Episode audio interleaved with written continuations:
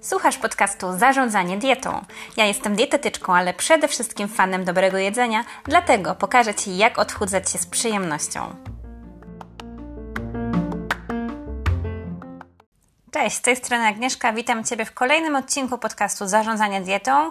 Dzisiaj mamy bardzo ciekawy temat, a mianowicie o tym, dlaczego tak trudno utrzymać efekty. I na pewno znacie wszyscy osoby, które zrzuciły kilka kilogramów albo nawet kilkanaście. Pytanie tylko, czy te osoby nadal po latach utrzymują efekty, bo niestety w większości przypadków jest tak, że schudnąć to całkiem prosta sprawa, ale utrzymać te efekty to już cięższy kawałek chleba.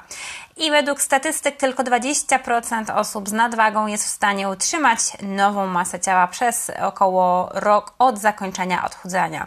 Smutne dane? No, smutne, ale dla pocieszenia, na pocieszenie mam e, jeszcze inną wiadomość. Otóż e, jest takie badanie National Weight Control Registry i według tego badania e, istnieją ludzie, którym udaje się utrzymać nową masę ciała.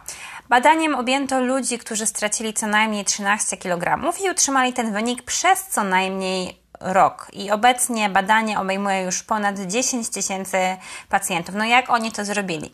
Większość, bo 89% badanych zadeklarowało zwiększoną aktywność fizyczną i wprowadzanie modyfikacji dietetycznych. Stosowali dietę ubogoenergetyczną, Zazwyczaj niskotłuszczową, jedli regularnie, e, unikali przyjadania się, a większość posiłków przygotowywali samodzielnie. Kolejnym ważnym aspektem była Samokontrola i monitorowanie postępów.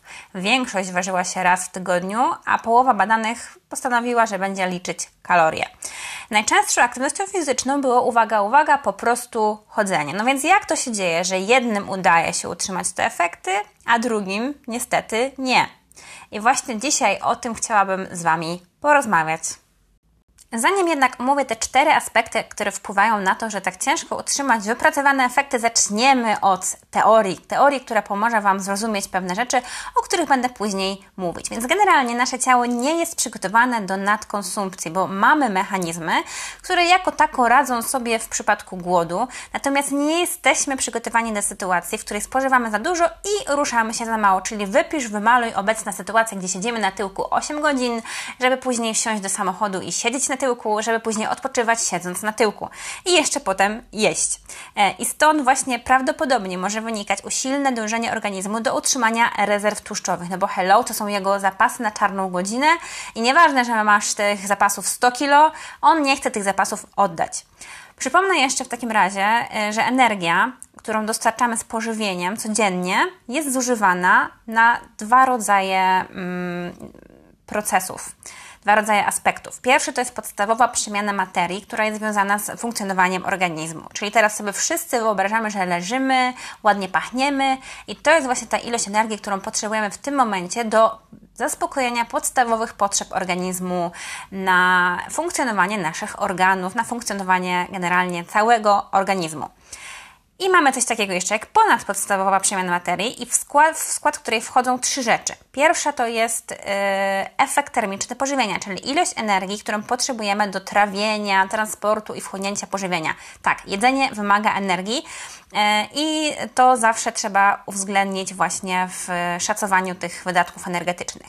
Potem mamy wydatki energetyczne związane z treningiem, czyli jakikolwiek zaplanowany trening, bieganie, siłownia, squash – to jest właśnie podpięte pod tak zwane wydatki energetyczne związane z treningiem. I obok tego mamy jeszcze trzeci aspekt, czyli spontaniczną aktywność fizyczną, która dla mnie jest e, jednym z ważniejszych komponentów na redukcji, czyli to jest to wszystko, co nie jest treningiem i trawieniem. Czyli to jest zmywanie, gestykulacja, tupanie nogą w rytm muzyki, e, to są e, te słynne kroki, które teraz wszyscy na Instagramie robią.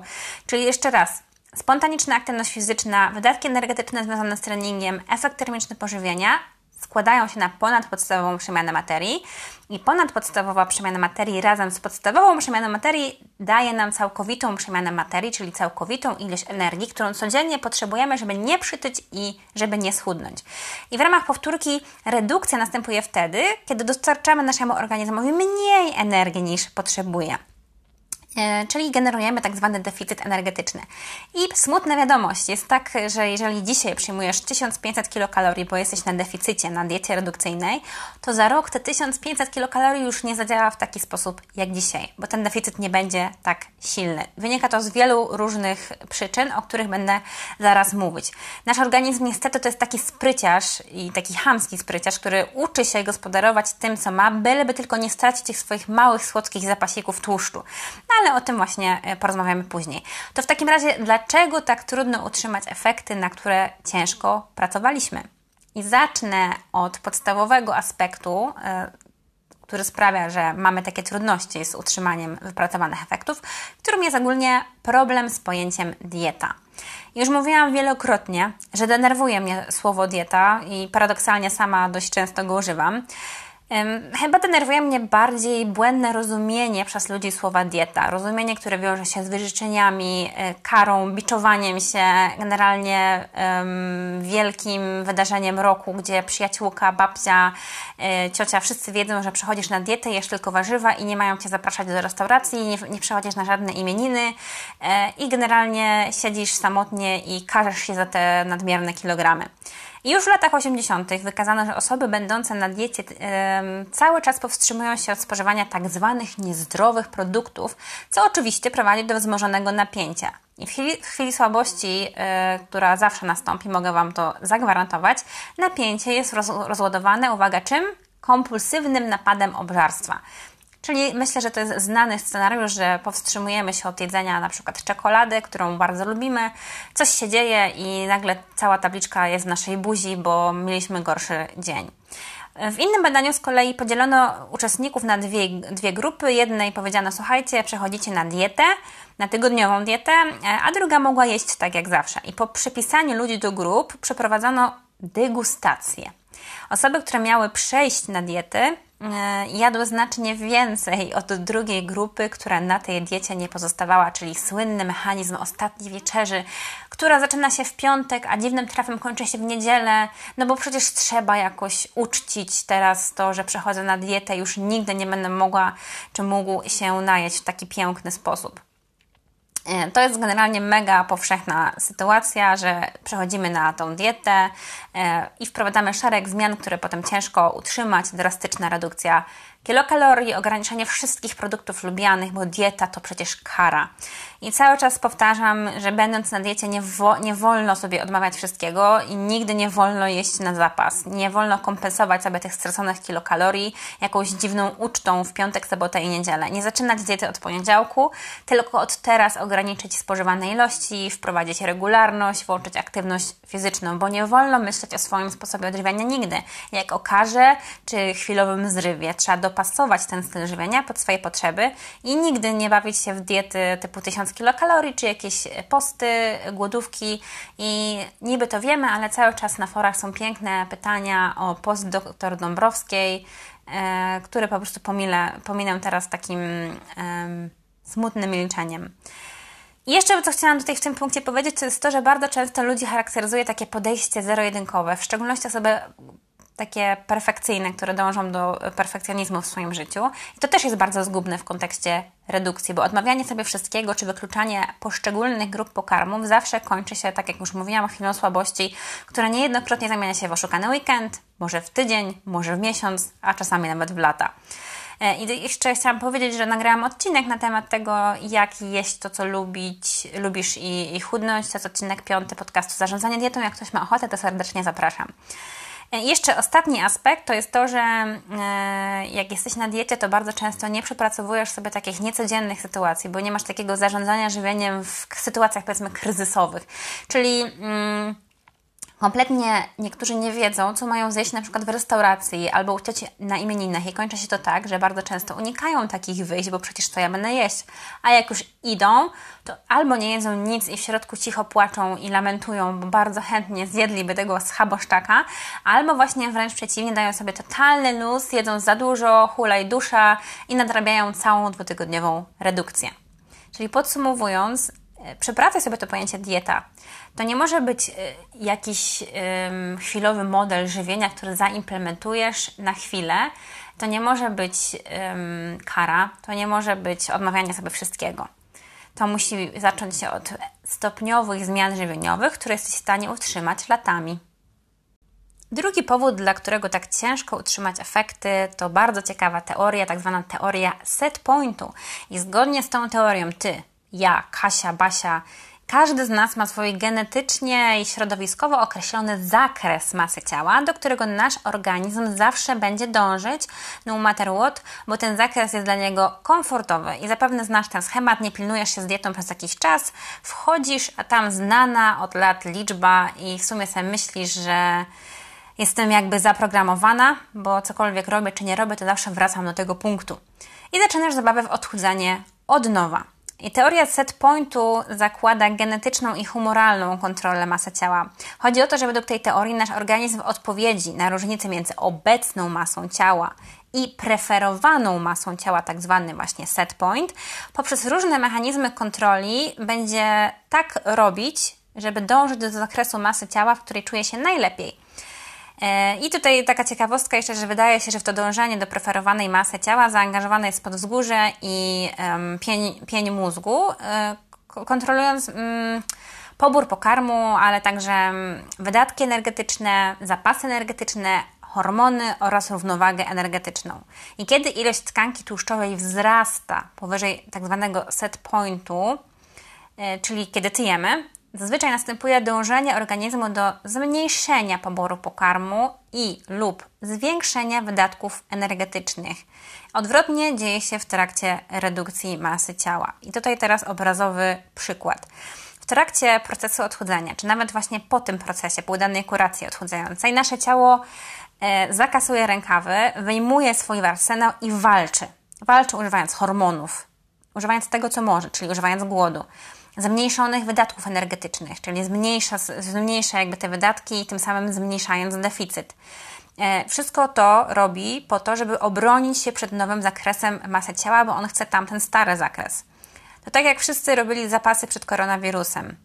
Wyobraź sobie, że komórki tłuszczowe w Twoim organizmie to Twoje żywieniowe zapasy na okres apokalipsy. I nagle na chatę Ci wbija dwóch romków ubranych na biało z napisem polski rząd i te zapasy Ci po prostu zabierają. Rozumiesz? Twój prywatny, wyrwany starszej pani karton z pszennym makaronem i, i ryż też Ci chcą zabrać, no to oczywiście, że będziesz się buntować. To są przecież Twoje zapasy na czarną godzinę do jasnej brukselki i Ty chcesz te zapasy mieć i nagle ktoś Ci wbija i zabiera. I nasz organizm robi dokładnie tak samo. To są jego zapasy na czarną godzinę i ponieważ nie ma mechanizmu radzenia sobie z nadkonsumpcją, no to chcę, te zapasy zatrzymać, bo a nuż widelec coś się stanie i on tych zapasów potrzebuje. Przeprowadzono również badania na myszach. Obserwowano myszy z ograniczonym e, dostępem do jedzenia w procesie chudnięcia i przybierania na masie. I okazało się, że mając dostęp do jedzenia, one mm, spontanicznie dostosowują ilość jedzenia, żeby utrzymać swoją docelową masę ciała. A to spryciary. I może nie jesteś szczurem, ale set point też się, do, też się dotyczy, bo mm, zbadano również dwóch mężczyzn. To oczywiście jest bardzo małe badanie, natomiast też nam daje jakiś obraz tego, jak to może wyglądać. I oni, e, ci mężczyźni, wyjeżdżali na ekstremalne ekspedycje. Obydwoje podczas tych wypraw stracili dosyć sporo kilogramów e, i co ciekawe, po powrocie z tych ekspedycji dość szybko wrócili do swojej wyjściowej masy ciała. I co jest jeszcze bardziej ciekawe, ich wydatki energetyczne zmniejszyły się w porównaniu do poziomu sprzed e, ekspedycji. I o czym nam to mówi? Że jeśli co se schudniesz, to se przytyjesz, no to se zaszkodzisz. I odstawiając żart na bok, czasami po prostu lepiej nie brać się za odchudzanie z nadzieją jakoś to będzie, yy, czyli z dużym deficytem energetycznym, bez planu, bez przepracowania nowych nawyków, prawie na pewno zmniejszysz swoje wydatki energetyczne. I tak pomyślisz, no dobra, ale co mnie to interesuje, że ja sobie zmniejszę moje wydatki energetyczne? Bo zmniejszając wydatki energetyczne, Twój organizm jakby przez, poprzez pewne mechanizmy kompensacyjne i, mm, i właśnie manipulacje hormonami, yy, oraz e, większą wydajnością mitochondriów sprawia, że ten deficyt, czyli na przykład jak miałeś deficyt 500 kilokalorii, to przez te wszystkie e, zmiany nagle masz 300 kilokalorii, potem masz 200 i potem nagle okazuje się, że nie jesteś w deficycie energetycznym, więc musisz to zrobić jeszcze zmniejszyć te kilokalorie, ale nie, nie możesz zmniejszać do takich wartości, gdzie będziesz czuć się niekomfortowo, głodny, bo tych po prostu efektów nie jesteś w stanie utrzymać. I przerażające jest to, że, nasz, że większość z nas właśnie robi dokładnie to i to kilka razy w roku, czyli przechodzi na jakąś skrajną dietę, e, zmniejsza sobie przy, przemianę materii, podstawową przemianę materii e, i stara energetyczność diety już nie działa tak jak kiedyś. Może kojarzysz taką sytuację, że kiedyś wystarczyło na przykład, nie wiem, troszeczkę mniej jeść i było ok.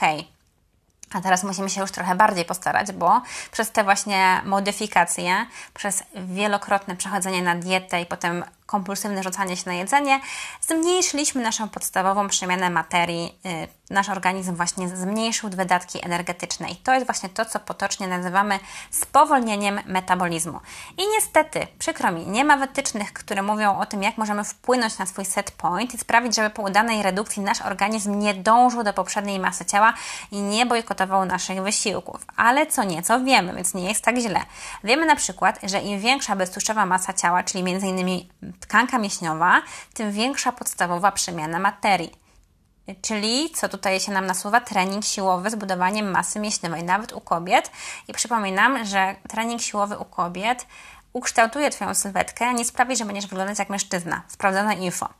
Poza tym jakakolwiek aktywność fizyczna może zwiększyć podstawową przemianę materii oraz wpłynąć na termiczny efekt pożywienia. Czyli pamiętacie to na początku, co mówiłam, czyli nasz organizm potrzebuje energii do trawienia, wchłonięcia i transportu e, składników pokarmowych. To właśnie jest ten termiczny efekt e, pożywienia.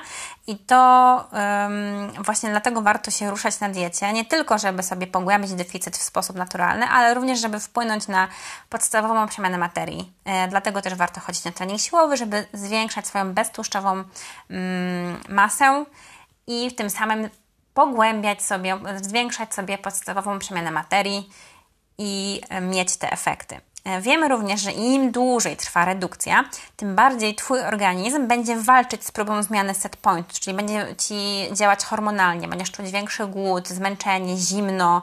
E, no ale to działa też w dwie, w dwie strony, bo im dłużej utrzymujesz daną masę ciała, czyli nie dajesz się organizmowi, e, to tym prościej jest właśnie pozostać w tym zakresie. I mówi się o tym, że jeżeli pozostaniesz, utrzymać, jakby utrzymasz masę ciała, nową masę ciała przez rok, to zmniejszasz swoje prawdopodobieństwo powrócenia do y, swojej starej masy ciała, czyli y, tak zwanego efektu jojo. I kolejnym aspektem, który sprawia, że tak trudno utrzymać efekty, są adaptacje metaboliczne i zmniejszone wydatki energetyczne. Oczywiście wszystko częściowo wynikające e, z teorii set pointu. Może wiecie, może nie wiecie, ale powtórzę, że odchudzanie powoduje szereg zmian w naszym organizmie. I jasne, większość z nich jest korzystna, no bo spada nam glikemia, pojawia, poprawia nam się insulinowrażliwość, y, jest spadek ciśnienia tętnicznego itd. Tak Natomiast część zmian wcale nie ułatwia życie po udanej kuracji odchudzającej. Zmiany te, um, chodzi tutaj o to, że jak załóżmy kiedyś potrzebowałeś 2500, do przeżycia, Twój organizm tyle potrzebował, żeby nie przytyć, nie schudnąć, to po wprowadzaniu deficytu e, i szeregu właśnie adaptacji, po roku okazuje się, że Twój organizm potrzebuje już na przykład 200 i tyle, z, jakby z takiej ilości nauczył się korzystać. I tych zmian jakby nie da się uniknąć, bo one częściowo wynikają z tego, że tracimy masę ciała, więc potrzebujemy mniej energii do utrzymania takiej masy ciała, ale częściowo właśnie wynikają ze zmian hormonalnych i innych ym, zmian, na przykład też w kwestii wydajności mitochondriów, które sprawiają właśnie, że potrzebujemy mniej energii niż kiedyś. I powtórzę, że zmiany te obejmują spadek podstawowej przemiany materii ze względu właśnie na spadek masy ciała. Zmiany te obejmują też wzrost wydzielania katecholamin i greliny, czyli hormonu głodu. Zmiany y, obejmują też leptynooporność, mm, zwiększenie aktywności lipazy mm, lipoproteinowej, spadek krążącej leptyny, czyli hormonu sytości, spadek insuliny, testosteronu, hormonów tarczycy, wzrost kortyzolu. To wszystko powoduje, że jesteś ciągle głodny, że trudniej ci się nasycić, w szczególności jeśli dieta była restrykcyjna, że łatwiej ulec pokusom i rzucić to całe otudzanie w cholerę. E, sama utrata masy ciała, to, że nam te kilogramy spadają, wywołuje spadek wydatków energetycznych. Jest to oczywiste. Oszacowane, że na każdy kilogram ustraconej masy ciała wydatki energetyczne spadają o około 20 kilokalorii dziennie. Łatwo obliczyć, że na przykład 10 kg to będzie około 200 kilokalorii. I przeglądałam różne badania, z których wynika i można założyć, że te spadki e, mogą wynosić od 100 do nawet 500 albo 600 kilokalorii. To całkiem sporo E, całkiem spory spadek. E, w szczególności jak wpadłeś na genialny pomysł diety 1000 kilokalorii albo jakiegoś oczyszczającego postu. I teraz trudna prawda. Trudna prawda jest taka, że po diecie odchudzającej już prawdopodobnie nigdy nie będziesz mógł jeść tyle, ile przed dietą, no chyba, że trenujesz siłowo, E, i mm, zwiększasz swoją masę mięśniową, e, no chyba, że masz dużą aktywność fizyczną i parę, parę innych czynników, ale w większości przypadków trzeba nauczyć się po prostu jeść mniejsze porcje. Mniejsze, ale oczywiście nie głodowe, nadal satysfakcjonujące objętościowo. E, I um, te adaptacje metaboliczne obejmują również tak zwaną termogenezę adaptacyjną czyli e, również takie zmiany jak zwiększona wydajność mitochondrialna oraz zmiany hormonalne, które promują obniżenie wydatków energetycznych, promują obniżoną sytość i wzmożony głód, bo znowu nasz organizm będzie dążyć do tego, żeby dostać to żarcie i zmagazynować utraconą tkankę tłuszczową z powrotem. Spada, tak jak już mówiłam, te wszystkie komponenty, które omawiałam na początku, one wszystkie lecą w dół, czyli spada nam podstawowa przemiana materii, poniekąd związana tylko z tym, że e, po prostu tracimy masę ciała i potrzebujemy mniej energii.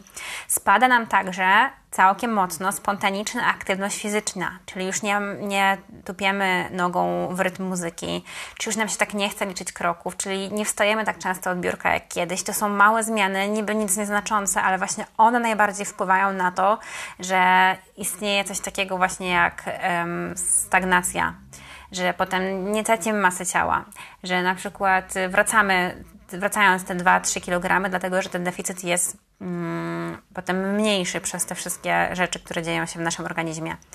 Spada nam także termogeneza poposiłkowa i wydatki energetyczne związane z treningiem, czyli wiadomo, że im mniej e, pożywienia przyjmujemy, tym mniej wiercą mi.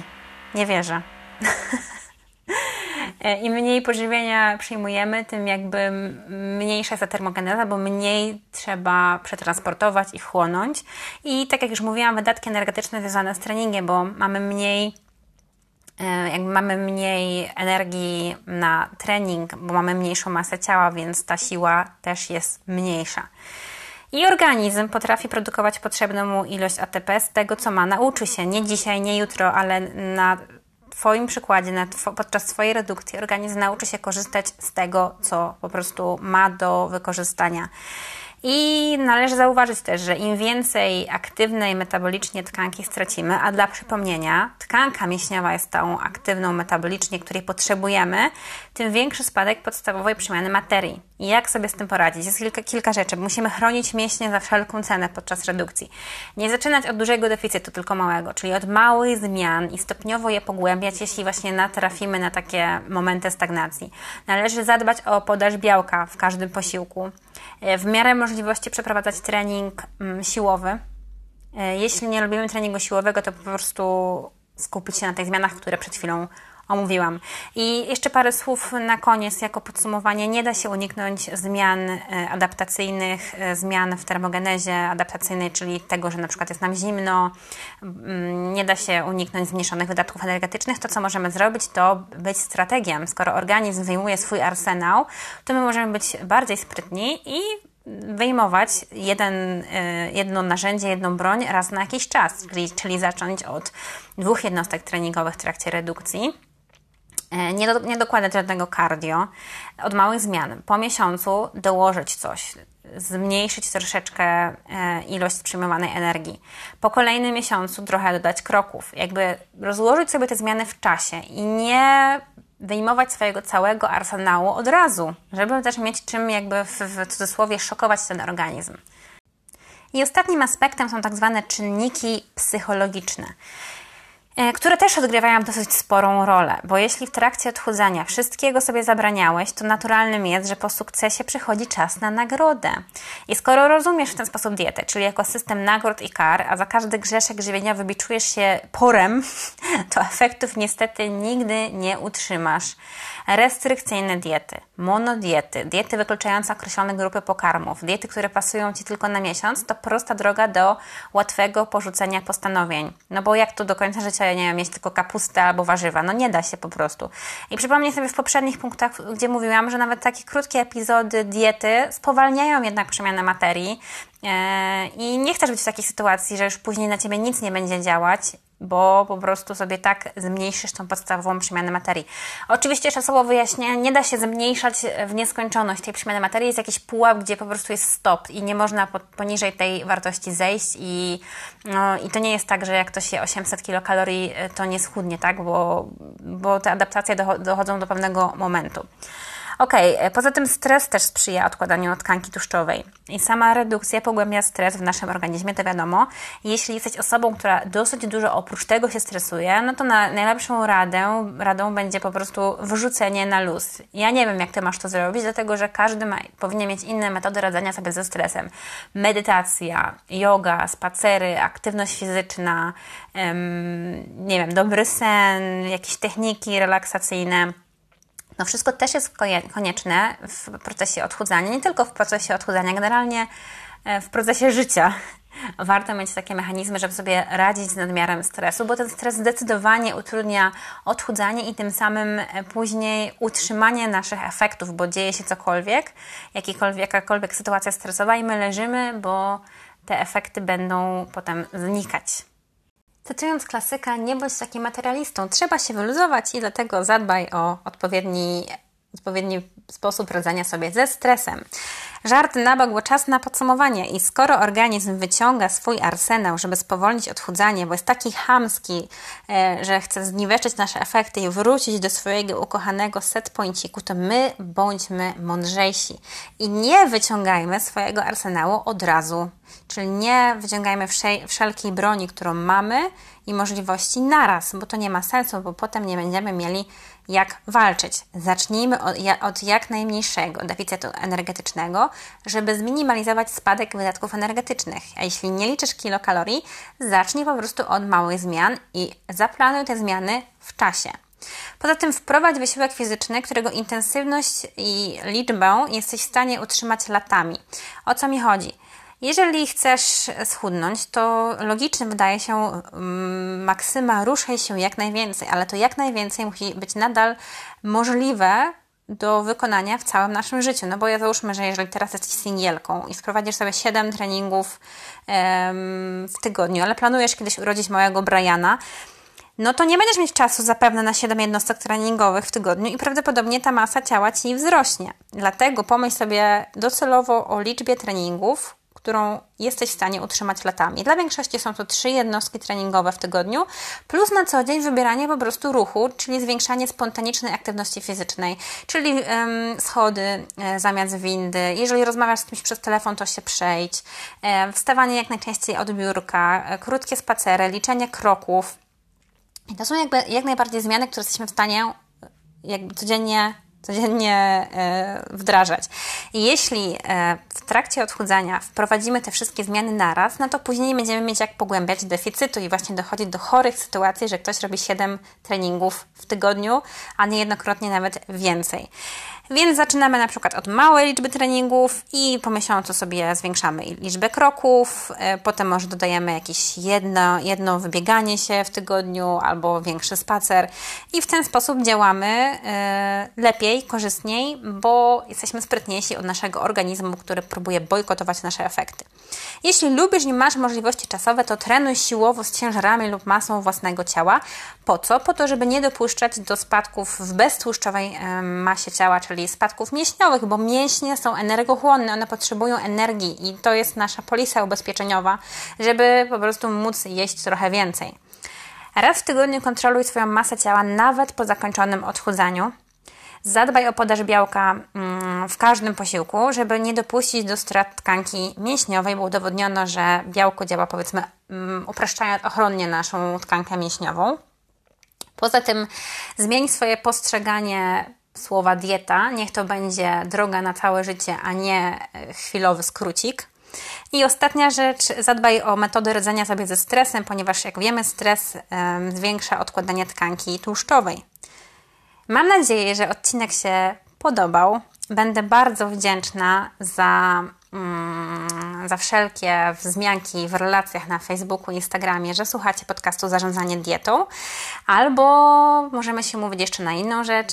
Jest artykuł na blogu agnieszkaciepłowska.pl dokładnie taki sam artykuł, dlaczego tak trudno utrzymać masę ciała, bo przygotowuję artykuły i podcasty na ten sam temat e, dla osób, które wolą czytać i dla osób, które wolą słuchać. I jeżeli będą co najmniej trzy komentarze, to następny odcinek merytoryczny będzie dotyczyć bardzo trudnego tematu, którym jest z, z wychodzenie z odchudzania, czyli strategię wychodzenia z odchudzania, czyli będę mówić o tym, jak to wszystko mądrze zaplanować, żeby nie jeść przez całe życie 1500 kilokalorii.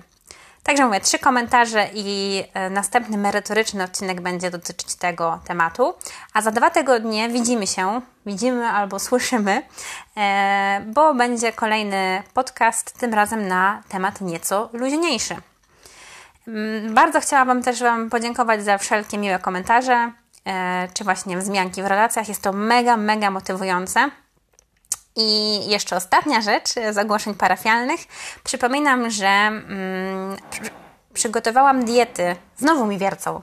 Przygotowałam diety, które są przyjemne.